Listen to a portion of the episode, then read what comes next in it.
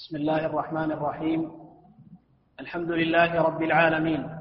والصلاة والسلام على عبد الله ورسوله نبينا محمد وعلى آله وصحبه أجمعين. أما بعد فهذه قراءة من كتاب أصول الإيمان في ضوء الكتاب والسنة لنخبة من العلماء.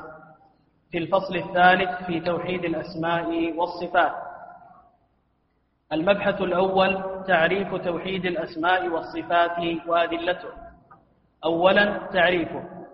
توحيد الأسماء والصفات هو إثبات ما أثبت الله لنفسه وأثبته له رسوله صلى الله عليه وسلم ونفي ما نفى الله عن نفسه ونفاه عنه رسوله صلى الله عليه وسلم من الأسماء والصفات والإقرار لله تعالى بمعانيها الصحيحة ودلالاتها واستشعار آثارها ومقتضياتها في الخلق. الحمد لله رب العالمين وصلى الله وسلم وبارك على عبده ورسوله محمد وعلى آله وصحبه أجمعين. أما بعد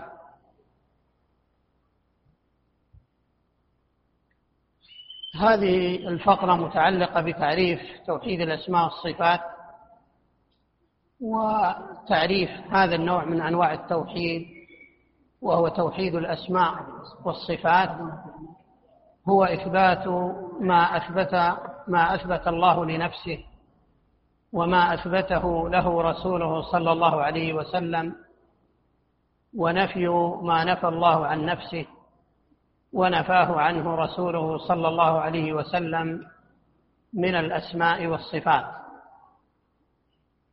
يلاحظ في هذا التعريف أن هذا التوحيد يقوم على الإثبات والنفي. إثبات ما أثبت الله لنفسه. وأثبت له رسوله صلى الله عليه وسلم ونفي ما نفى الله عن نفسه ونفاه عنه رسوله صلى الله عليه وسلم. إذا هذا التوحيد قائم على الإثبات والنفي. إثبات ما أثبت الله لنفسه وأثبته له رسوله صلى الله عليه وسلم ونفي ما نفى الله عن نفسه ونفاه عنه رسوله صلى الله عليه وسلم. إذن قائم على الإثبات والنفي. إثبات ما دلت الأدلة على إثباته لله من الأسماء والصفات. ونفي ما نفى الله عن نفسه ونفاه عنه رسوله صلى الله عليه وسلم. إذا لاحظوا هنا التقسيم. التقسيم في هذا التوحيد أنه قائم على النفي والإثبات. وأيضا طريق النفي والإثبات أمران. الكتاب والسنة. ما أثبت الله لنفسه وأثبت له رسوله صلى الله عليه وسلم. ونفي ما نفى الله عن نفسه ونفاه عنه رسوله صلى الله عليه وسلم. وأيضا ما يتعلق بالإثبات والنفي يرجع إلى أمرين. وهما الأسماء والصفات. الأسماء والصفات. إذن عندنا ستة أمور. يعني أولا الدليل الدال على هذا النوع وهو الكتاب والسنة. الثاني أن هذا النوع من التوحيد قائم على أمرين على الإثبات والنفي. آه الأمر الثالث متعلق هذا التوحيد هو بالأسماء والصفات. دائما هذه التقسيمات تنبه إلى أنواع التقسيمات مما يعين طالب العلم على فهم المسائل. ويرسخ الفهم لهذه المسائل فإن من لم يحفظ هذا التعريف بنص يستطيع أن يعبر عنه إذا فهم. ولا يمكن أن يترك شيئا مما دل عليه إذا فهم هذه المسائل على وجهها. وهذا الذي ينبغي لطالب العلم أن يجتهد فيه أن يكون فقيها بالأدلة وبمدلولاتها وبكلام السلف وبعقيدة أهل السنة أن لا يكون حظ طالب العلم من ذلك وأن يردد الألفاظ من غير أن يفهم بمعنيها دائما تنبه للتقسيمات هنا عندك تقسيمات نفي وإثبات. الأدلة الدالة عليه كتاب وسنة. متعلق هذا التوحيد أسماء وصفات. وأحيانا يضاف الذات يقال توحيد الذات والأسماء والصفات. ولا مشحة في الاصطلاح لأنك إذا أثبتت الأسماء والصفات أثبتت الذات لأنه لا يمكن أن تكون هناك أسماء وصفات يعني مجردة عن الذات. وهذه أمور متلازمة ذكرها شيخ الإسلام يعني لا يتصور أن توجد أسماء وصفات لذات معدومة إلا أن يكون شيء بالذهن. أما الشيء في الخارج فكل صفات لا بد أن تقوم بموصوف. وكذلك لا يمكن أن توجد ذات مجرد عن الأسماء والصفات. لا يمكن. لأن الذات في خارج الذهن لا بد أن تكون متميزة عن غيرها من الذوات بأسماء وصفات تميزها عن غيرها. إذا هذا كله متعلق ب يعني توحيد الأسماء والصفات. ثم هذا الإثبات والنفي أيضا له طريقة وكيفية. قلنا إثبات ما أثبت الله لنفسه والإقرار لله بمعانيها الصحيحة. إثباتها والإقرار لله تعالى بمعانيها الصحيحة. فلا يكفي أن يثبت الإنسان هذه الأسماء والصفات مجرد عن المعاني بل لا بد من الإقرار لله تعالى بمعانيها الصحيحة وهو أن تثبت الاسم وتثبت ما يدل عليه من المعنى. والإقرار لله تعالى بمعانيها الصحيحة ودلالاتها. دلالة هذه الألفاظ وأن لها يعني مدلول. ولهذا السلف كانت طريقتهم في هذا هو إثبات هذه الأسماء والصفات وإمرارها على ما جاءت ففهم بعض المفوضة بعض من لم يفهم مذهب السلف أن إمرار ألفاظ الأسماء والصفات إمرارها يعني تعطيل معانيها. فظن البعض أن مذهب السلف هو التفويض. وقد نبه شيخ الإسلام على هذا وقال إن إمرارها كما جاءت يقتضي إثبات معانيها لأنها ألفاظ جاءت بمعاني. عندما خوطبنا بهذه اللغة التي نعرفها بالسمع والبصر والاستواء والنزول فهل نفهم لهذه الألفاظ معاني قبل نزول القرآن؟ وإلا هذه ألفاظ غير مفهومة؟ لها معاني معروفة عند العرب. فإمرارها كما جاءت يقتضي إثبات هذه الألفاظ وعدم التعرض لها بشيء من التحريف لا في ألفاظها ولا في معانيها. فهذا معنى إمرارها كما جاءت. والإقرار لله تعالى بمعانيها الصحيحة. وهذا فيه تنبيها لا يتوهم متوهم معنى غير صحيح وإنما المعاني الصحيحة التي دلت عليها واستشعار آثارها ومقتضياتها في الخلق. هذه أيضا مسألة مهمة. كان السائل بالأمس يقول أنا لا أستشعر هذا. لا شك أن هذا كلنا يعني فينا نقص فينا ضعف خصوصا في هذه الأزمنة. يعني قل الفهم وقل استشعار. الناس لهذه الأسماء والصفات لأن هذا من القصور حقيقة في الإيمان بالأسماء والصفات واستشعار آثارها ومقتضياتها في الخلق. يعني تأمل حكمة الله في الخلق وهذا الكون كما يقال هو المدرسة العظمى. من كان له عقل وتأمل كيف يحيا الناس ويموتون. فلان يحيا على الطاعة والاستقامة كيف مات؟ وفلان عاش على المعصية وعلى البدعة كيف مات؟ ولهذا ذكرت للإخوة حقيقة وأنا دائما أرى أن الإنسان يستفيد من كل شيء. ذكر لي حقيقة موقف أحد الزملاء في امتحانات. يقول حدثني يعني رجل أن الشيخ الشبر رحمه الله يقول توفي في الحرم. ومعروف الشيخ رحمه الله كان ملازما للمسجد في الصف الأول. فكان في سفر فقدم إلى المدينة فأراد بعض أبنائه أن يذهب به إلى البيت قال اذهب به إلى المسجد. فذهب فدخل في صلاة المغرب فسقط في الركعة الثانية أو الثالثة ومات وهو خلف الإمام. فيقول هذا الشيخ يقول قيل لي الشبل توفي في الحرم. يقول فتعجبت وقلت له أين تريد أن يتوفى؟ أين تريد أن يتوفى أو يموت ذلك الرجل؟ في الحرم أمر طبيعي. فلفت نظري كيف أن الناس يستشعرون أن الرجل الصالح إذا عاش على الصلاح والاستقامة هذا هو الأصل فيه. ومن العجب أن يموت غير هذا في غير هذا الموطن لأنه لازمه فوفقه الله عز وجل. وهذه سنن كونية وشرعية. ورجل مسرف على نفسه والعياذ بالله يعني يخشى أن يموت في المكان الذي يكثر أن يتردد عليه. فهذه العبر والمواعظ يعني مدرسة. ولهذا كلما تأمل الإنسان أحوال الناس كيف أن الله يمنع القطر؟ تأمل أحوال الناس ما الذي حصل؟ أليس الذي منع؟ هذا هو الغفور الرحيم.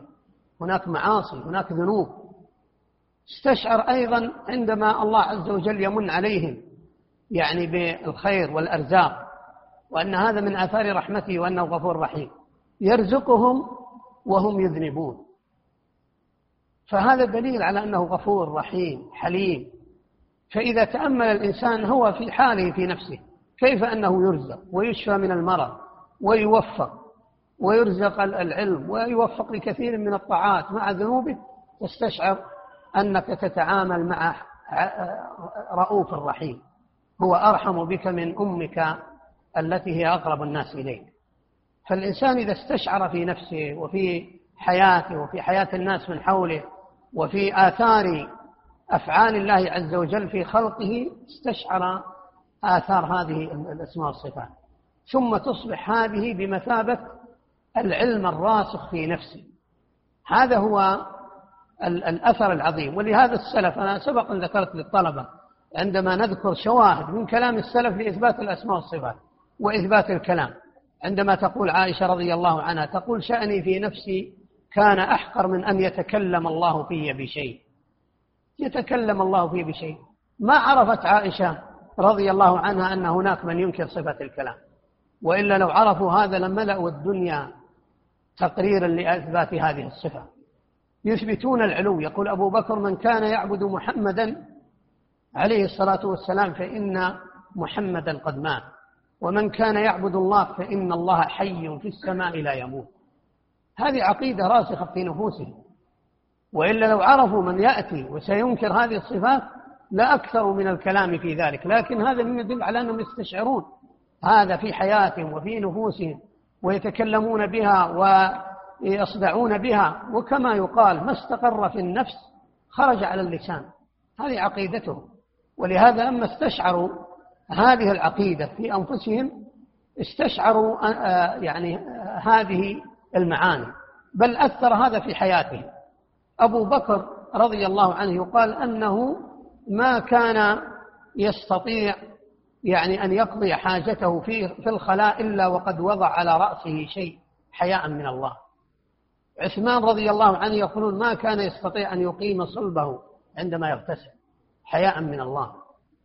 من أين جاءت هذه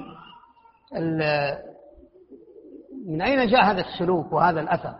استشعار الأسماء والصفات. فهذه الآثار كانت يعني في نفوسهم يستشعرونها. فكيف بهم؟ وقد يعني علموا أن الله مطلع عليهم وأن الله يسمع كلامهم وأن الله يجازي بالحسنة وأن الله يؤاخذ يعني بالسيئة وأن الله مطلع على ما في القلوب يخفون أعمالهم. ويتقربون إلى الله عز وجل في الخلوات وفي السر لأنهم يعلمون أن الله عز وجل مطلع على ما في القلوب. هذا هو استشعار آثار ومقتضيات هذه الأسماء والصفات في الخلق وما أحوج الناس اليوم أن يتأملوا هذه الأشياء. وحاجتنا لتدريس هذه الآثار أكثر من حاجتنا إلى تكرار الكلام الذي تعودنا عليه دائما هو في بيان طريقة الرد على المخالفين. لا شك أن الرد على المخالفين أصل وهذا الذي ينبغي أن يقام به وأن يقف أهل السنة في وجوه هؤلاء المعطلة المشبهة. لكن لا ينبغي أن ننسى أنفسنا وحظنا من العلم بهذا العلم الشريف وأن نستشعر في نفوسنا وفي قلوبنا هذه الآثار العظيمة لأسماء الله وصفاته. إذا هذا التعريف يعني هو تعريف جامع مانع يدل على حقيقة يعني هذا التوحيد وهو متضمن لعدة يعني تقسيمات وبهذا يتبين أن الإيمان بالأسماء والصفات لا يقتصر على مجرد الإثبات فقط بل إثبات لللفظ وتقرير للمعنى واستشعار للأثر في النفس وفي الخلق حتى يكون هذا العلم راسخا في نفس المؤمن. نعم. ثانيا المنهج في إثباته. يقوم المنهج الحق في باب الأسماء والصفات على الإيمان الكامل والتصديق الجازم بما وصف الله به نفسه ووصفه به رسوله صلى الله عليه وسلم من غير تحريف ولا تعطيل ومن غير تكييف ولا تمثيل. نعم بعد أن ذكرنا التعريف نحن في حاجة لمعرفة المنهج. في إثبات هذا النوع من أنواع التوحيد وهذا النوع هو أشرف أنواع التوحيد. توحيد الأسماء والصفات هو أشرف أنواع التوحيد لأنه توحيد متعلق بذات الرب وأسمائه وصفاته. وأما توحيد العبادة فهو متعلق بأفعال المخلوقين فهذا أشرف. ولهذا تلاحظون أن سورة الإخلاص تعدل ثلث القرآن وسورة الكافرون تعدل ربع القرآن وسورة الإخلاص في باب الأسماء والصفات. سورة الكافرون في باب العبادة. فهذا مما يدل على أن هذا العلم هو أشرف أنواع التوحيد. ولكن لما جاء من يعطل يعني توحيد العبادة أو وقع في الشرك نبه العلماء على خطورة الشرك في العبادة ونبهوا على خطورة هذا الأمر وأن هذا هو حقيقة هذا الدين وهو بلا شك أن هذا هو حقيقة الدين. وهو تحقيق العبادة لله عز وجل لكن لا ينبغي أن يظن أن هذا النوع هو أشرف من توحيد الأسماء والصفات. لأن توحيد الأسماء والصفات إذا تقرر استلزم توحيد العبادة.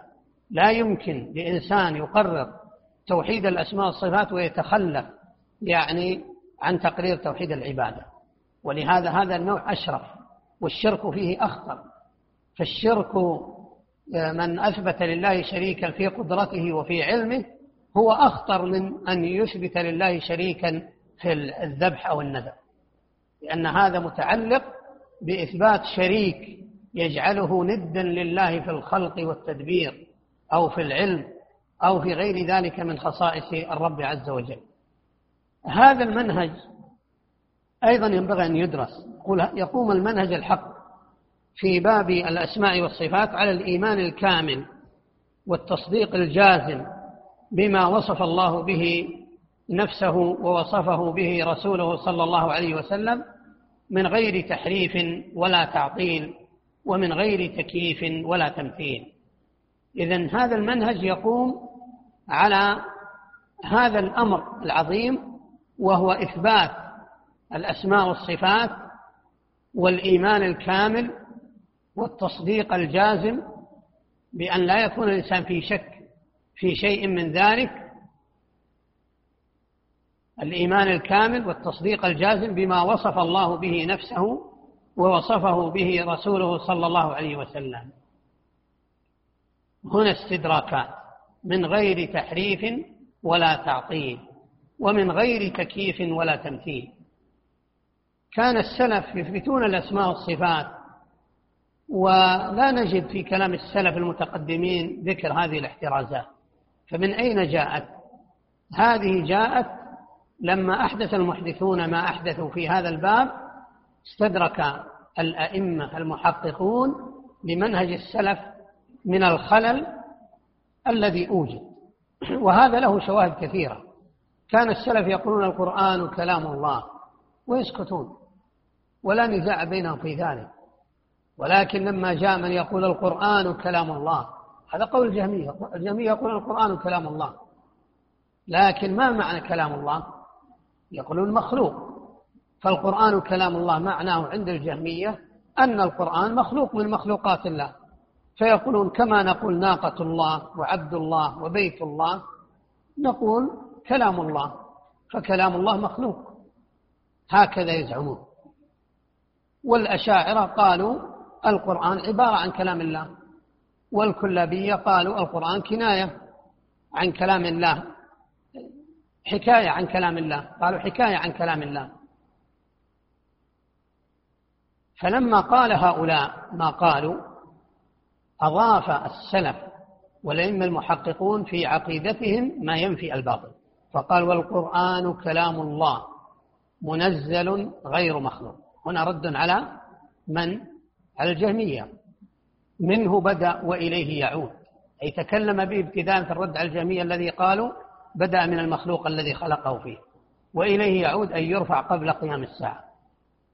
لا حكاية ولا عبارة. هكذا يقولون. لا حكاية ولا عبارة. لا حكاية رد على من؟ على الكلابيين لا عبارة رد على الأشاعرة. إذا هذه العقيدة نقحها الأئمة. ونزهوها عن كل ما ألصق بها من من الضلالات ولهذا نحن في حاجة الآن إلى أن ننفي عن هذه العقيدة كل ما يعلق بها من الشبه. وهذه سنة العلماء في الذب عن عقيدة أهل السنة والجماعة. أنه كلما ألصق بعقيدة أهل السنة والجماعة يجب أن يبرأ وتبرأ هذه العقيدة مما أحدثه المحدثون. من الأمور المحدثة المخالفة لعقيدة أهل السنة. لما جاء من يقول نحن نثبت الأسماء والصفات كما دلت عليها الأدلة ولكن يحرفون ويعطلون أو يكيفون أو يمثلون قال الأئمة هذا الإثبات من غير تحريف ولا تعطيل ومن غير تكييف ولا تمثيل ولهذا لا يقبل من إنسان الآن أن يقول أنا أثبت الأسماء والصفات. نقول على أي شيء؟ على طريقة المعتزلة على طريقة الأشاعرة. لا على هذه الطريقة التي عليها الأئمة. من غير تحريف ولا تعطيل ومن غير تكييف ولا تمثيل.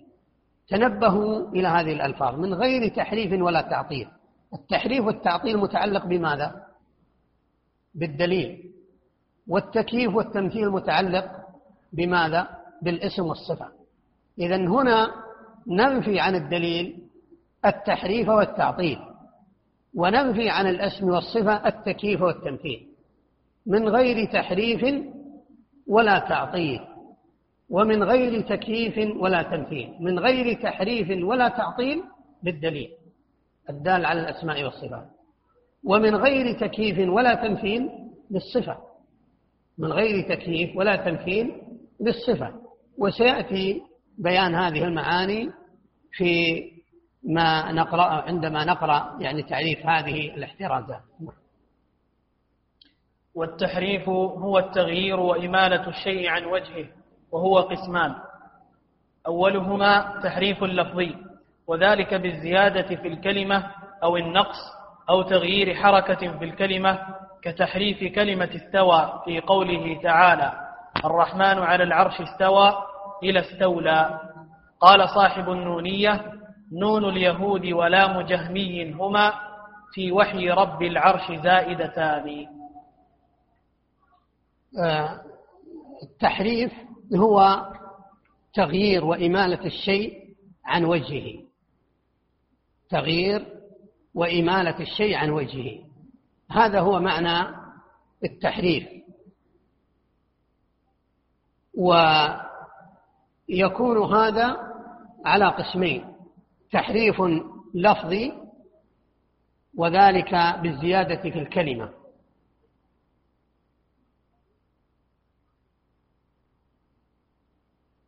تحريف لفظي وذلك بالزيادة في الكلمة أو النقص أو تغيير في الكلمة كتحريف كلمة استوى. وهذا التحريف يتعلق باللفظ إما من جهة الزيادة والنقص أو تغيير حركة الإعراب المؤثر يعني في الكلمة.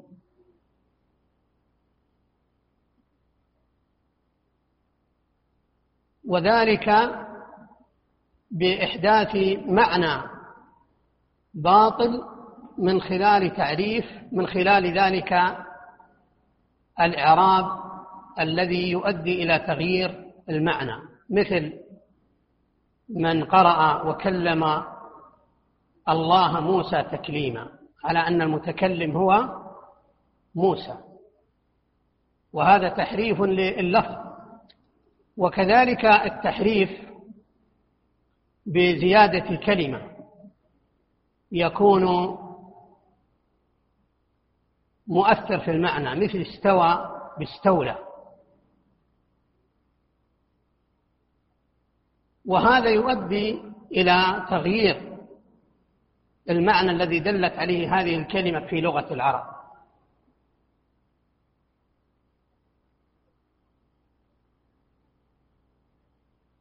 وهذا التحريف ارتكبه طائفتان.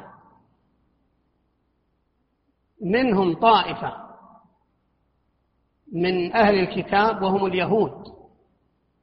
عندما قال اللهم الله عز وجل قولوا حطة فقالوا حنطة فزادوا في الكلمة حرف النون. وكذلك ارتكبه أهل الكلام عندما فسروا استوى باستولى. ولهذا قال الإمام ابن القيم نون اليهود ولام جهمي هما في وحي رب العرش زائدتان. فنون اليهود هي في قولهم حنطة زادوا النون. ولام الجهمي في استوى قالوا استولى. فكل هذا من تحريف اللفظ. وهذه جريمة. أول من ارتكبها اليهود كما يعني تقدم. ثم شاركهم فيها بعض أهل الكلام. يحرفون هذه الألفاظ. كما قال الله عز وجل يحرفون الكلمة من بعد مواضعه. قال العلماء من بعد كونه موضوعا في مواضعه. من بعد كونه موضوعا في مواضعه. هذا تحريف لفظي. والتحريف المعنوي الذي سيأتي هو الذي أخبر الله عز وجل عنه في قوله يحرفون الكلمة عن مواضعه لأن مواضعه هي المعاني التي وضع لها.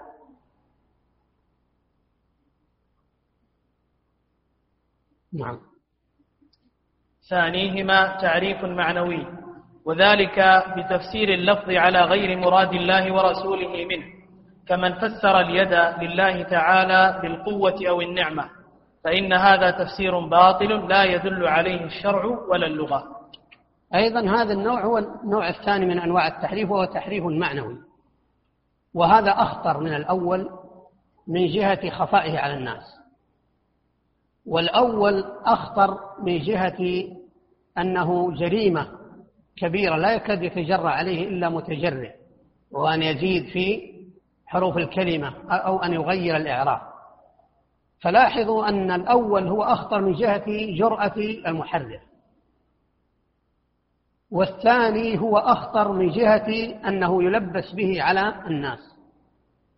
وما أكثر ما يقع هذا في الأمة وهو تحريف الكلم عن مواضعه والتلاعب بالألفاظ التلاعب بالمصطلحات. فيخفى الحق على الناس وعلى بعض من لا يعرف مدلول اللفظ. أكثر الناس يخدع بهذا. قد يأتي إنسان يريد أن يستدل لمسألة يسرد لك عشرات الآيات وعشرات الأحاديث وينبهر الناس بسرده. ولو تأملت استدلاله بهذه النصوص لوجدته في غاية البعد عن إعمال هذه النصوص والاستدلال بها. لكن أكثر الناس لا يتنبه بل أكثر الطلبة اليوم أن الإنسان إذا تكلم أو كتب أو خاصة في الردود فإذا رد شخصا على شخص قالوا خلاص رد. كم رد؟ قال رد عليه بخمسمائة صفحة. خلاص. كم أورد كذا من الأدلة. لا ينظرون إلى مدلولات الألفاظ لا ينظرون إلى دلالات الكلام لا ينظرون إلى يعني هذه المعاني. أكثر الناس ينخدع بهذا. وأما يعني من رزقه الله الفهم فلا يروج عليه الباطل. وإلا كثير من أهل الكلام لهم كتب مطولة في التلبيس وفي الترويج للتعطيل لكن هذه المسالك وقف لها الأئمة. يعني موقف العلماء الراسخين وبينوا زيف استدلالهم بذلك حتى أناروا الطريق للناس بالعلم. فهذا التحريف تحريف المعنوي هو خطير من جهة أنه يحرف المعنى ويفسر اللفظ بغير ما دل عليه. قول التحريف المعنوي وذلك بتفسير اللفظ على غير مراد الله ورسوله صلى الله عليه وسلم منه كمن فسر اليد لله تعالى بالقوة والنعمة.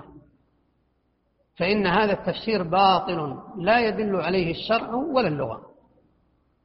لكن هؤلاء يلبسون في بعض استعمالات العرب في إطلاق اليد على النعمة أو القوة. يقول لفلان لفلان علي يد وهذا فعله بقوة أي بيد. فهذا يرد في بعض الإطلاقات لكن هذا لا يعني تعطيل صفة اليد. إذا ما جاءت في السياق وخلت من أي قرينة تصرف اللفظ عن المعنى إلى هذا المعنى المستعمل لأن لغة العرب إذا استعمل اللفظ في سياق لا بد أن يأتي في السياق ما يدل على هذا المعنى. فلا يمكن أن تقال كل ما جاءت اليد في لغة العرب فهي بمعنى النعمة والقوة. أو حتى تقول أنها بمعنى الصفة. لكن إذا جاء ما يدل على ذلك تعرف أن هذه اللفظة مستعملة في هذا المعنى. ولهذا أنكر شيخ الإسلام ابن تيمية أن يكون لهذه الألفاظ معاني حقيقية ومجازية. لكن العرب إذا استخدم هذه الألفاظ في سياق فيأتي في السياق ما يدل على هذا المعنى. تقول لفلان علي يد. ما يمكن أن يتصور العاقل أن يد فلان محمولة على عاتقك. لكن المقصود أنها نعمة. لماذا استخدمت اليد في النعمة؟ لأن أكثر ما تسدى النعم باليد. فالعرب في تفننهم استعاروا اليد هنا يعني النعمة هنا عن اليد وعبروا بها عنها وهذا أسلوب عربي رفيع في التعبير بالشيء عن الشيء. يعبر بالشيء عن الشيء. ولا نقول مجاز ولا بد أن يتضمن هذا السياق دلالة تدل على هذا الاستعمال. لكن إذا قلت وضعت يدي في يد فلان. هل يمكن لعاقل أن هذه يد النعمة؟ ما يمكن الإنسان يفهم هذا. وإذا أطلقت اليد تقول فلان موصوف بصفة اليد.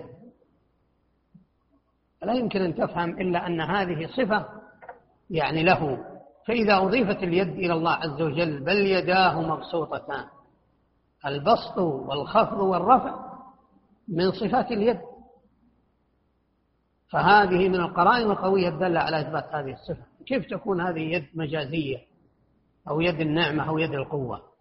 فهؤلاء يتلاعبون بالألفاظ ويقولون هذه اليد إذا جاءت كل يد جاءت فهي يد النعمة والقوة. طيب إذا قلت له فلان يعني أمسك الحجر بيده هل لعاقل أن يقول هذه اليد هي يد النعمة؟ ما يمكن. أو تقول مثلا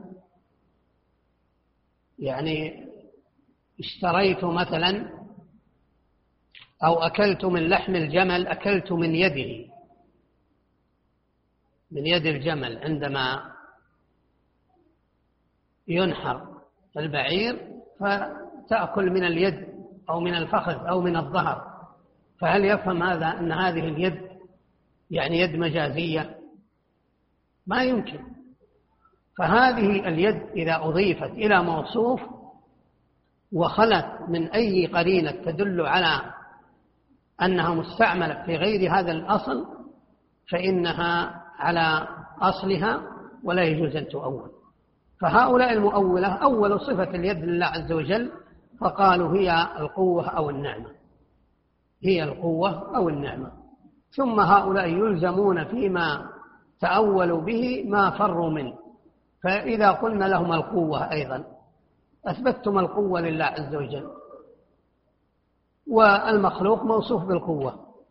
فكيف فررتم من إثبات اليد؟ بدعوى نفي التشبيه وتثبتون له القوة. ما زلتم في التشبيه. لأن الإنسان له قوة. والإنسان أيضا له نعمة يسري النعم. فهؤلاء يفرون من شيء ويقعون في شيء آخر. فلا لهم تناقض كبير. فإذا هذا هو نوع من أنواع التحريف وهو تحريف معنوي لهذه الألفاظ. وينبغي الحذر فإن الكثير من كتب التفسير مليئة بهذه التأويلات. وما سلم إلا القليل من كتب السلف. يعني المعروفة فلو نظرت في كثير من كتب التفسير وكلام أيضا بعض الفقهاء في كتبهم وفي غيره ستجد هناك تأويل للصفات. يجب على طالب العلم أن يكون على حذر من تأويل صفات الله عز وجل بغير ما دلت عليه. يثبت الصفات لله عز وجل من غير تحريف ولا تعطيل لأدلتها ومن غير تكييف ولا تمثيل لهذه الصفات التي أثبتها الله لنفسه. نعم. والتعطيل هو نفي صفات الله تعالى كمن زعم أن الله تعالى لا يتصف بصفة. نعم هذا هو التعطيل. التعطيل هو في اللغة هي التخلية. التعطيل هو التخلية كما قال الله عز وجل وبئر معطلة وقصر مشيد بئر معطلة يعني لا يردها الناس وبيت معطل يعني غير مسكون. فالتعطيل هو التخلية. وتعطيل الصفات هو نفي صفات الله تعالى وعدم إثبات معاني لها كمن زعم أن الله تعالى لا يتصف بصفة هذا تعطيل كامل. كمن لا يثبت الصفة بالكلية ولا يثبت لها معنى مثل المفوضة الذين يعطلون المعاني ويقولون هذه ألفاظ لا نعرف لها معاني الله أعلم بما أراد منها ولا نفهم منها شيئا. فهذا تعطيل للصفات. نعم. والفرق بين التحريف والتعطيل هو أن التحريف نفي المعنى الصحيح الذي دلت عليه النصوص واستبداله بمعنى آخر غير صحيح. أما التعطيل فهو نفي المعنى الصحيح من غير استبدال له بمعنى آخر. نعم هذا هو الفرق بين التحريف والتعطيل أن التحريف نفي المعنى الصحيح الذي دلت عليه النصوص. واستبداله بمعنى غير صحيح. هذا هو يعني التحريف نفي المعنى واستبداله بمعنى غير صحيح. مثل الذي يقول اليد هي القوة والنعمة. عطلت صفة واستبدل هذا بمعنى آخر. أما التعطيل فهو نفي المعنى الصحيح من غير استبدال له بمعنى آخر. مثل من يقول أنا لا أفهم معنى لليد. ولا يقول قوة ولا نعمة. ولا أعلم. يعني معنى لهذا. ويجب علينا يقول أن نعرض عن الخوض في هذا الباب. وهذا ورع بارد كما يقال. نعرض يقول نعرض عن الأسماء والصفات ولا نخوض فيها. وكم خدع؟ بهذا من خدع. نعرض عن الخوض في الإثبات أو التكييف أو التمثيل. يقول تنازع الناس منهم من يثبت صفة. ومنهم من يقول هذه الصفة مؤولة ومنهم من يقول هذه الصفة بمعنى كذا.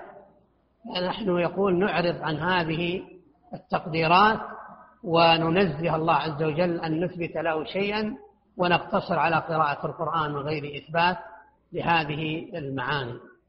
فهذا تعطيل وهو طريقة وهو مسلك المفوضة. يعطلون الأسماء والصفات من معانيها. نعم. والتكييف تعيين كيفية الصفة والهيئة التي تكون عليها كفعل بعض المنحرفين في هذا الباب الذين يكيفون صفات الله فيقولون كيفية يده كذا وكذا وكيفية استوائه على هيئة كذا وكذا فإن هذا باطل. إذ لا يعلم إذ لا يعلم كيفية صفات الله إلا هو وحده. وأما المخلوقون فإنهم يجهلون ذلك ويعجزون عن إدراكه. نعم. بعد أن فرغنا من معنى التحريف والتعطيل وسبق التنبيه على أن التحريف والتعطيل متعلق بالدليل وهو تنزيه الدليل من التحريف والتعطيل. هنا إذا أثبتنا الصفة وسلم المستدل من التحريف والتعطيل أثبت الصفة. هنا يحتاج إلى احتراز آخر وهو أيضا منزلق يعني وقع فيه من وقع. فإذا أثبت اليد قال نعم نثبت اليد لا نحرف ولا نعطل أثبتنا اليد لله. تنبه أيضا لاحتراز آخر متعلق بإثبات هذه الصفة. وهو أن يكون إثباتها من غير تكييف ولا تمثيل. من غير تكييف ولا تمثيل. والتكييف هو تعيين كيفية الصفة. تكييف هو تعيين كيفية الصفة التي تكون عليها كفعل بعض المنحرفين في هذا الباب الذين يكيفون صفات الله فيقولون كيفية يده كذا وكذا وكيفية استوائه على هيئة كذا وكذا. فإن هذا باطل إذ لا يعلم كيفية صفات الله إلا هو وحده. إذن تعيين الكيفية هو تعيين الكيفية بوصف كأن يقول كيفية يده كذا كيفية استوائه كذا كيفية نزوله كذا وكذا فيعين كيفية. وهذه الكيفية لا يعلمها إلا الله. وهذه مسألة ينبغي التنبه لها. عندما نقول في تقرير معتقد السلف بلا كيف قد يفهم بعض الناس أن لا نثبت كيفية لصفات الله. هذا معنى باطل بل نثبت معنى. لكن الكيف المنفي هنا يتعلق بعلم المخلوق لا بعلم الخالق. تنبهوا لهذه المسألة. عندما نقول نثبت الأسماء والصفات بلا كيف. بلا كيف في علمنا. أما في علم الله فكل صفة من صفات الله لها كيفية. تليق بجلال الله عز وجل. ومن هنا كانت صفات الله عز وجل متميزة عن, عن صفات المخلوقين بعظمتها وكيفيتها العظيمة التي لا تشابه صفات المخلوقين.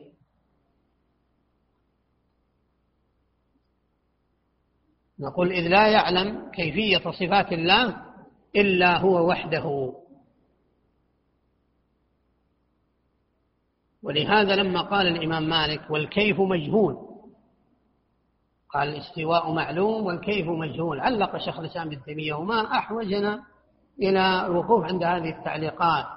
قال شيخ الإسلام والإمام مالك لم يقل والكيف معدوم وإنما قال والكيف مجهول. وفرق بين نفي العلم بالشيء وبين نفي وجوده. فرق بين من يقول الكيف معدوم. هذا باطل. ما نقول أن كيفية صفات الله معدومة. لكن نقول مجهولة. مجهولة لمن؟ لنا.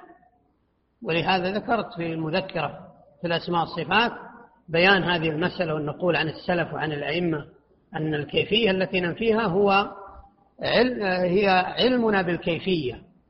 لا نفي علم الله بالكيفية. فهنا استدراك من جهتين. أولا من جهة أن تعتقد أن الكيفية لصفات الله ثابتة وأن العلم المنفي في كلام السلف هو علم المخلوق بها لا نفي علم الله بها. نقول أما المخلوقون فإنهم يجهلون ذلك ويعجزون عن إدراكه. يعجزون يجهلون ذلك ويعجزون عن إدراكه. مع وجود الكيفية اللائقة بصفات الله عز وجل في علم الله. نعم. والتمثيل هو التشبيه. كمن يقول لله سمع كسمعنا ووجه كوجوهنا تعالى الله عن ذلك. والتمثيل هو التشبيه. كمن يقول لله سمع كسمعنا ووجه كوجوهنا تعالى الله عن ذلك. تمثيله هو التشبيه هذا في تفسير بعض الأئمة وفي كلام بعض السلف أن التمثيل هو التشبيه. ومن المحققين من أهل العلم من يرى أن التمثيل أعم من التشبيه وأن التشبيه يكون بالتماثل في بعض الصفات. وأما التمثيل هو بالتماثل والتشابه في كل الصفات. وأنت تلاحظ الفرق بين ما بين قولنا زيد يشبه عمرا. فهذا يقتضي أنه يشبهه في بعض الصفات. بل يستقيم لك أن تقول زيد يشبه عمرا في علمه أو في هيئته. أو في كلامه. فأنت لاحظ هنا أثبتت التشبيه ثم قيدته بصفة. ولو كان التشبيه تماثل من كل وجه لما صح أن يقيد بمعنى خاص. لكن إذا قلت زيد يماثل عمرا فهذا يقتضي المماثلة من كل وجه. ولهذا فالتمثيل أعم. تمثيل هو تشابه من كل وجه.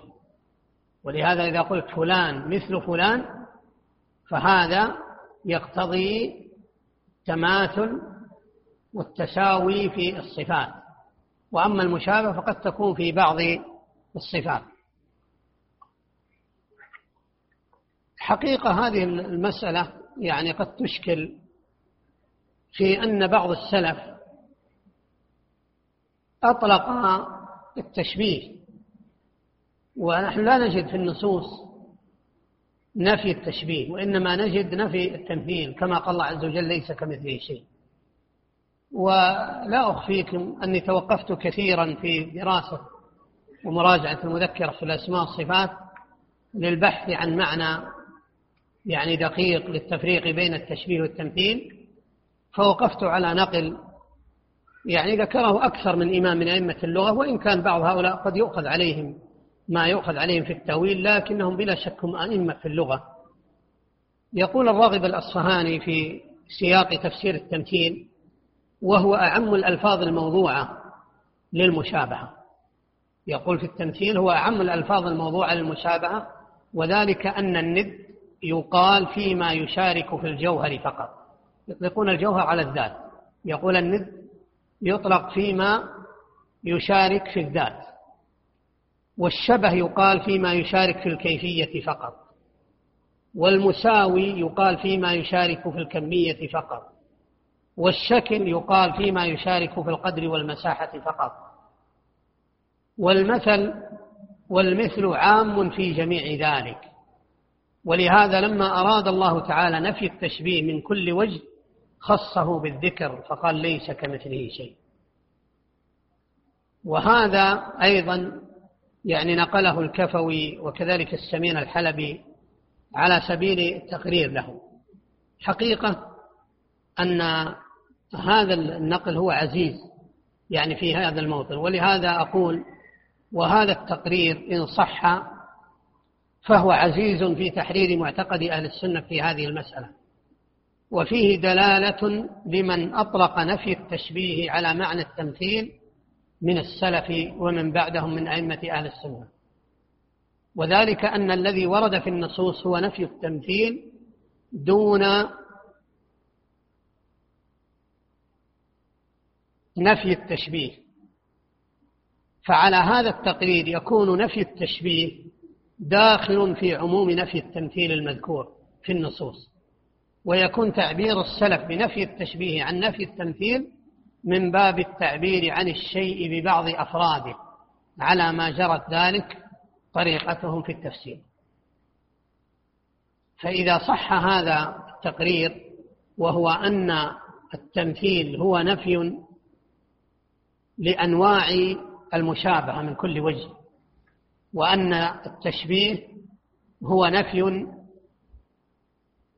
أن التشبيه هو مشاركة في الكمية. وقد لا نتقيد كثيرا بما ذكر هؤلاء فقد نقول أيضا أن التشبيه هو نفي أن التشبيه هو تقرير للمشاركة في الصفات فالند هو مماثلة في الذوات والتشبيه هو مماثلة في الصفات. وكذلك سائر الألفاظ مثل المساواة مثل أيضا قال والشكل يقال فيما يشارك في القدر والمساحة ثم قال والمثل عام في جميع ذلك.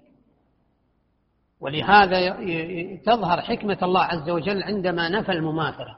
فيكون نفي المماثلة يشتمل على نفي الند وعلى نفي التشبيه وعلى نفي سائر أنواع المشابهة. ويكون السلف عندما قالوا بنفي التشبيه يكون هذا من تفسير الشيء ببعض أفراده كما أنهم يفسرون الألفاظ ببعض أفرادها كما في قولهم الصراط المستقيم قالوا هو القرآن. منهم من قال الإسلام منهم من قال النبي صلى الله عليه وسلم. ولا شك أن الصراط المستقيم هو القرآن لأنه دال عليه وهو النبي صلى الله عليه وسلم لأنه داعي إليه وهو الإسلام لأنه هو الذي دل عليه القرآن لكن هذا من تفسير الشيء ببعض أفراده. وكذلك عندما قالوا في نفي التمثيل التشبيه فسروه ببعض أفراده. وبهذا يتبين أيضا أن نفي التشبيه أنه حق كما أن نفي التمثيل حق. يعني ننفي عن الله المشابه كما ننفي المماثل وهذا التحقيق يعني من هؤلاء العلماء في اللغة فيه نصرة لعقيدة أهل السنة في أن الله عز وجل عندما نفى التمثيل أن هذا يتضمن نفي التشبيه. ولا يحصل شك يعني لدى الإنسان فيقول نحن لا ننفي إلا التمثيل. في السلف نفوا المشابهة وقال الشافعي رحمه الله من شبه الله بخلقه فقد كفر. فيكون هذا التقرير فيه حل لما قد يستشكل في هذه المسألة والله تعالى أعلم. إذا هنا نقول أن التمثيل يعني هو أعم يعني من التشبيه سواء قلنا بهذه المعاني التي أثبتها هؤلاء أو لم نقل بها إلا أنه يلاحظ العموم. فيكون التشبيه هو داخل في أفراد التمثيل الذي نفاه الله عز وجل. وكتاب الله عز وجل مشتمل على إثبات الحق من كل وجه ونفي الباطل من كل وجه. فلما نفى الله عن نفسه المشابهة يعني جاء اللفظ العام بكل أنواع النفي الذي يدل على المشابهة إما في الذات أو في الصفات أو في غير ذلك من خصائص الله عز وجل. نعم. وينتظم المنهج الحق في باب الأسماء والصفات في ثلاثة أصول. من حققها سلم من الانحراف في هذا الباب وهي الأصل الأول تنزيه الله جل وعلا عن أن يشبه شيء من صفاته شيئا من صفات المخلوقين. الأصل الثاني الإيمان بما سمى ووصف الله به نفسه وبما سماه ووصفه به رسوله صلى الله عليه وسلم على الوجه اللائق بجلال الله وعظمته. الأصل الثالث قطع الطمع عن إدراك حقيقة كيفية صفات الله تعالى لأن إدراك المخلوق لذلك مستحيل. فمن حقق هذه الأصول الثلاثة فقد حقق الإيمان الواجب في باب الأسماء والصفات على ما قرره الأئمة المحققون في هذا الباب. نعم هذه الطريقة التي سبقا بيناها هو طريقة التعامل مع النصوص في إثبات الصفات أن يسلم المستدل من التحريف والتعطيل للنص فإذا أثبت المعنى أيضا ينبغي أن يكون على حذر من التكييف والتمثيل فإذا فرغ من ذلك لا بد أن ينتظم هذا الأصل في ثلاثة أصول أو هذا المسلك في ثلاثة أصول عظيمة ذكرها العلماء وهي تمثل يعني محور عقيدة أهل السنة في باب الأسماء والصفات. وهذه الأصول ذكرها الشيخ محمد الأمين الشنقيطي رحمه الله وقد دلت عليها الأدلة كما هو معلوم وأشار إليها شيخ الإسلام ابن تيمية في كثير من كلامه لكن هذا التقسيم يعني ذكره الشيخ محمد الأمين الشنقيطي رحمه الله وإلا فمضمونه موجود في كلام السلف وفي كلام المحققين كشيخ الإسلام ابن تيمية بل إنه موجود في النصوص.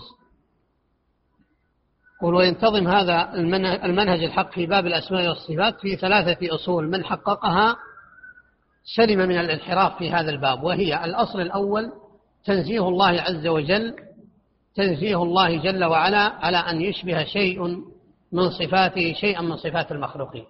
إذا هذا هو الأصل الأول وهو تنزيه الله عز وجل أن تشبه أسماءه وصفاته أسماء وصفات المخلوقين.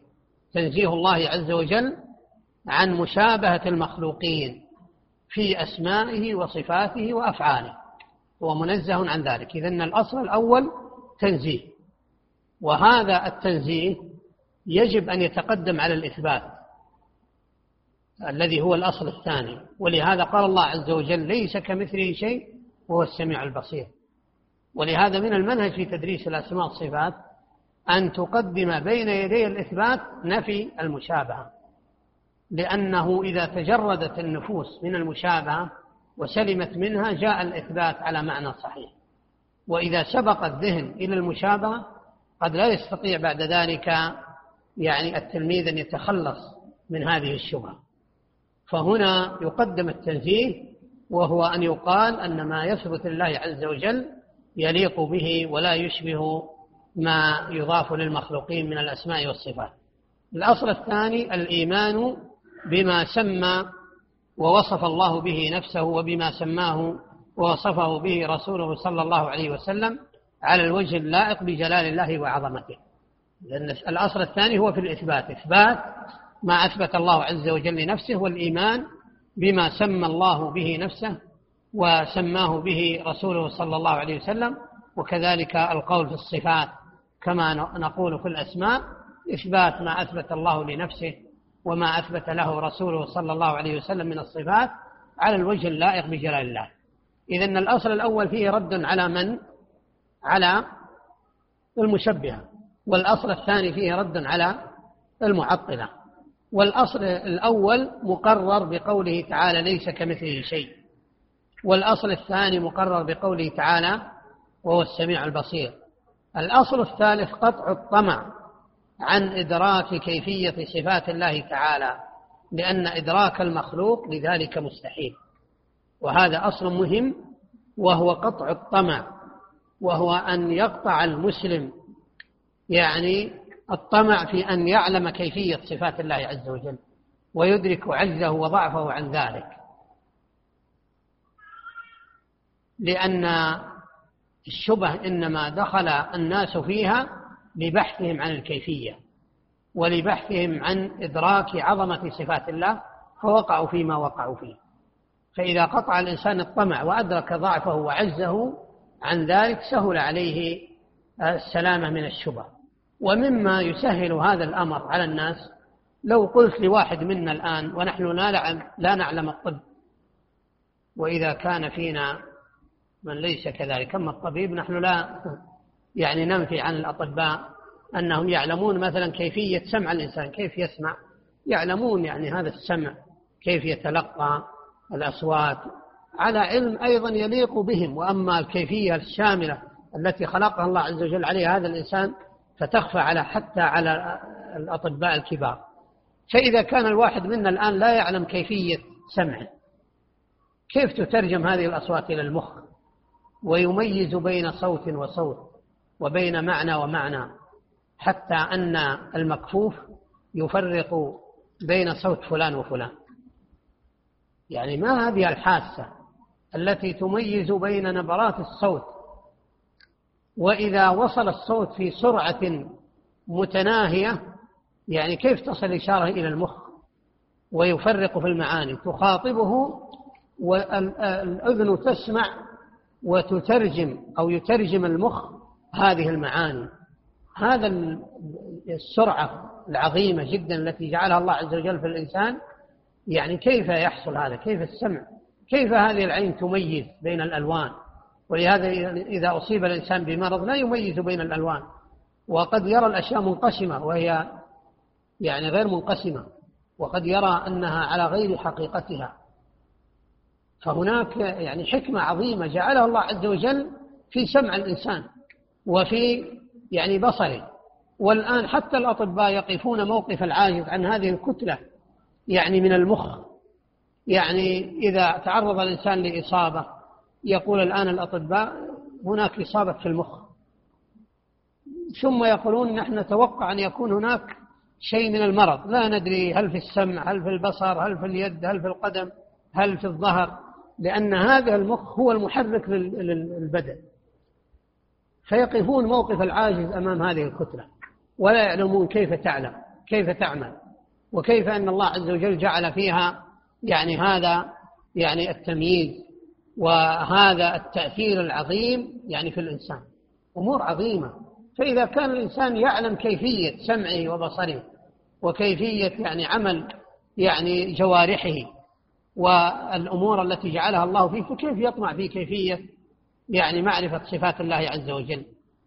لو قلت لإنسان منا الآن هناك يعني ساعة معقدة وهي صغيرة الأجزاء نريد منك أن تصلحها. الآن وتقوم بفك هذه الساعة ثم تعيد تركيبها. يقول والله ما أستطيع. إذا كنت تجهل وتقطع الطمع عن إصلاح ساعة يستطيعها أبناء جنسك فكيف تطمع في كيفية صفات الله؟ لو قلت لواحد منا الآن رجل يتكلم باللغة الإنجليزية نصف ساعة نريدك أن تترجم لنا. قال والله ما أستطيع. مع أن بعض أبناء جنسك يستطيع أن يترجم الكلام. فأنت تدرك العجز عما يدركه بعض أبناء جنسك. فكيف تطمع فيما يعجز عنه أبناء جنسك؟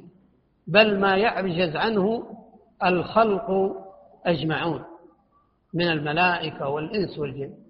إذا هذه الأمور تسهل على الإنسان قطع الطمع عن إدراك كيفية صفات الله عز وجل. نحن ندرك ونقطع الطمع في أمور كثيرة معلومة لأبناء جنسنا.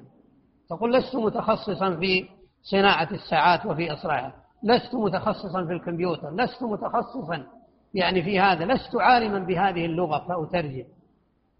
بل لو قلت لواحد منا الآن غير متخصص في العقيدة اشرح لنا كتابا في الأسماء والصفات.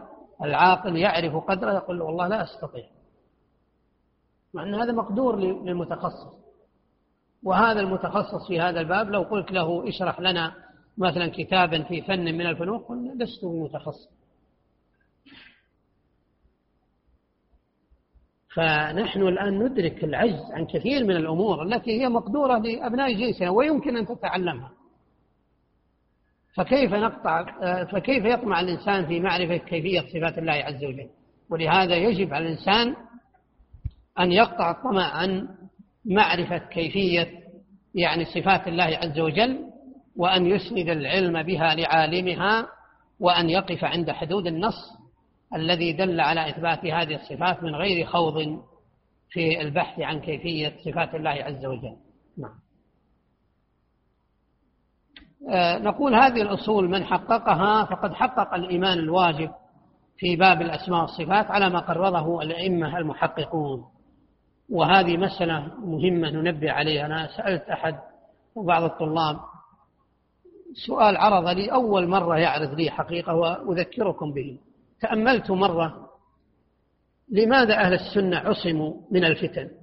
في كل عصر تجد صاحب السنة بإذن الله إذا تمسك بأصول أهل السنة في عصمة من الفتن. لا يقول بأقوال أهل البدع لا يأتي بقول الخوارج ولا المعتزلة ولا الجهمية. وهم في كل عصر على طريقهم إلى أن يموتوا فسألت بعض الطلاب هل هذا لذكائهم كلهم كل أهل السنة أذكياء؟ هذا غير معقول. الله فاوت بين الخلق بالعقول هل كل أهل السنة علماء؟ تجد فيهم عوام في المساجد. يصلون ويصومون ولكن ليس لهم علم. بماذا عصمهم الله بالتمسك بالأصول التي نبه عليها السلف؟ فإذا تمسكنا بهذه الأصول سلمنا. وبماذا خاض ودخل أهل البدع في الضلالات؟ بمخالفتهم لهذه الأصول. يأتي الآن شاب حدث يقول والله أنا ماني مقتنع هذا الأمين الشنقيطي رجل مثلنا. أتى بثلاث أصول أنا لا أسلم له. طيب جرب.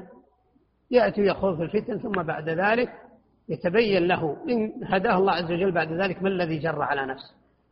فما زال أهل السنة أهل تعقل ووقوف عند كلام السلف وقوف عند كلام العلماء. العلماء جربوا ما لم نجرب وعرفوا ما لم نعرف ووقفوا عن علم وتكلموا فيما تكلموا بعلم وسكتوا عما سكتوا عن عنه عن ورع وليس عن جهل. ولهم عقول يستطيع الواحد منهم أن يخوض كما خاض الخائضون لكنهم وقفوا عند حدود علمه بهذا عصم الله أهل السنة. ولو كان الواحد منهم قد يكون بليدا في عقله وفي فهمه لكن إذا جاء كلام السلف قال وقفنا عندما وقف عندها السلف فعصمهم الله بالتمسك بهذه الأصول وسلموا من هذه الفتن والضلالات. وأما الخائضون الذين لم يرضوا لأنفسهم بما رضي به السلف فخاضوا وأورثهم هذا الخوض ما حصل لبعض أهل البدع. ولهذا لما تاب بعض أهل الكلام من الأئمة الذين نقل كلامهم اعترفوا بأنهم خاضوا فيما نهوا عنه فأورثهم هذا الشك والحيرة والاضطراب. ثم بعضهم رجع في آخر حياته ويتمنى أن يكون قد مات على عقيدة أمه. أو على عقيدة عجوز من عجائز نيسابور. بعد أن جربوا لهم عقول وذكاء. أعجبتهم عقولهم وذكاءهم وفطنتهم فظنوا في السلف البلاهة أو عدم الفهم. فلما أدركوا الفتنة ووقعوا في الحيرة والشك وهؤلاء من أذكى أهل الكلام ومن أعظمهم نبوغا. ولهذا أدركوا بعض خوضهم ما الذي جروا على أنفسهم. أما السذج منهم فكثير منهم يموت في هذه الضلالات. فنحن الآن في عافية. ليس لك أن تجعل هذه الحياة مكان للتجارب مرة تسلك مسلك الخوارج مرة مسلك الجهمية مرة مسلك المعتزلة. خذ عبرة من الإمام الغزالي أبو حامد الغزالي يقول نظر في المسالك. فوجد أن مسالك الناس يعني محصورة إما في التصوف أو في طريق الفلاسفة أو في طريق الكلام أو في طريق الباطنية. فسلك هذه المسالك الأربعة وكلما انتهى إلى نهاية مسلك من هذه المسالك وتبين له بطلانه رجع عنه إلى أن مات في آخر حياته وهو يمنع من الخوض في علم الكلام. ويقال أنه مات وصحيح الإمام البخاري على صدره بعد أن عرف أن هذا هو العلم وهذا هو الحق. فالآن السعيد من وعظ بغيره. دع هذه التجربة التي خاضها هذا الرجل وأفنى حياته فيها. خذها من بداية السن وأنت في حداثة السن. فاسلك مسلك السلف وابتغي العلم الذي طلبوه ولا تبتغي ما حجب عنك وما أعرض عنه السلف. س يعني تحصل علما غزيرا في مدى هذه الحياة إلى أن تموت كما مات أولئك العلماء عن علم غزير. هذه هذا هو المسلك الذي عصم الله عز وجل به أهل السنة وهذه تنبيه لطيف. ينبغي لنا أن نقف عنده وأن نعرف يعني بما عصم الله عز وجل أهل السنة بتمسكهم بهذه الأصول. نسأل الله التوفيق الجميع هذا والله تعالى أعلم. وصلى الله وسلم وبارك على عبده ورسوله محمد. بارك الله فيكم ونفع الله بعلمكم. سائل يقول أحسن الله إليكم. هل يصح أن يزاد في تعريف توحيد الأسماء والصفات مع ما ذكر؟ من غير تحريف ولا تعطيل ومن غير تكييف ولا تمثيل. أم أن ذكر هذه الاحترازات في الت... لا يضاف في التعريف؟ قد يضاف يعني لمن أراد الاستفصال وزيادة المعنى. ولكن لو قلنا هذا لكفى لأنك إذا قلت إثبات ما أثبت الله لنفسه وأثبت له رسوله صلى الله عليه وسلم والإقرار لله تعالى بمعانيها. إذا أقررت لله بمعانيها لم تحرفها. وإذا استشعرت آثارها فأنت لم تكيف ولم تعطل. فهذا التعريف يكفي من يعني فهم التعريف على وجهه الصحيح. ولكن لو قلنا من غير تحريف ولا تعطيل وغير تكليف فلا شك أن هذا فيه زيادة يعني تفصيل ومعنى.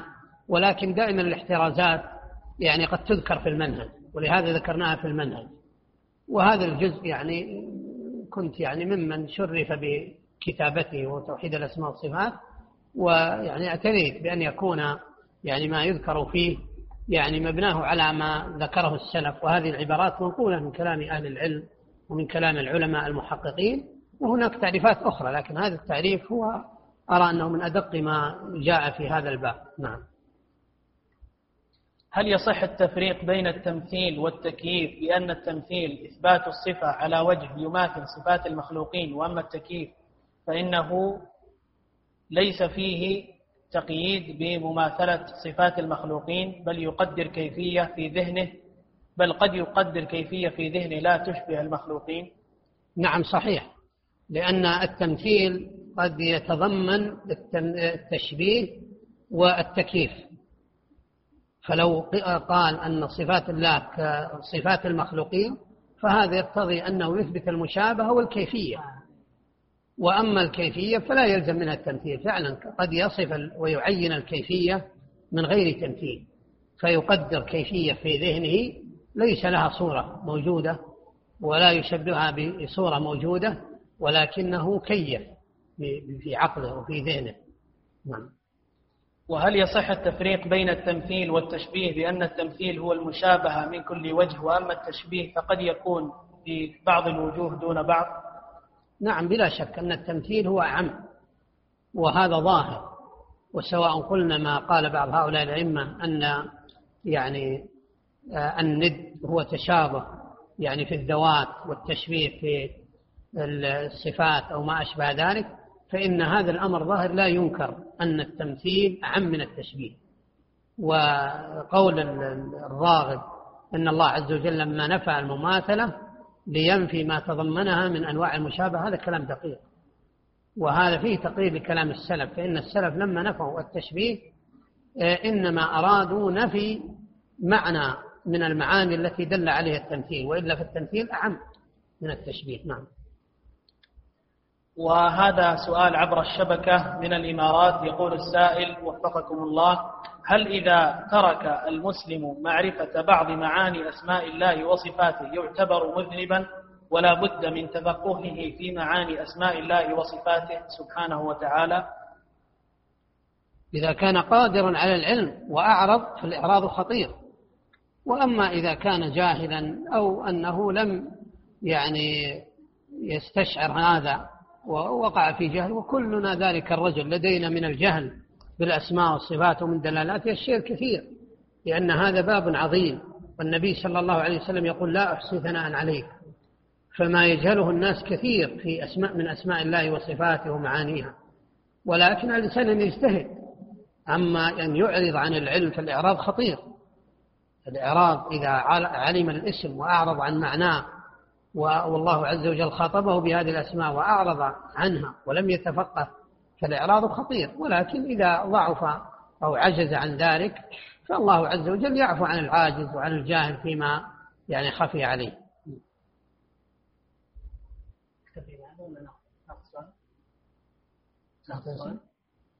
وهذا سائل آخر عبر الشبكة من اليمن يقول ما حكم القول بأن تعلم العقيدة في هذا الوقت يفرق بين المسلمين؟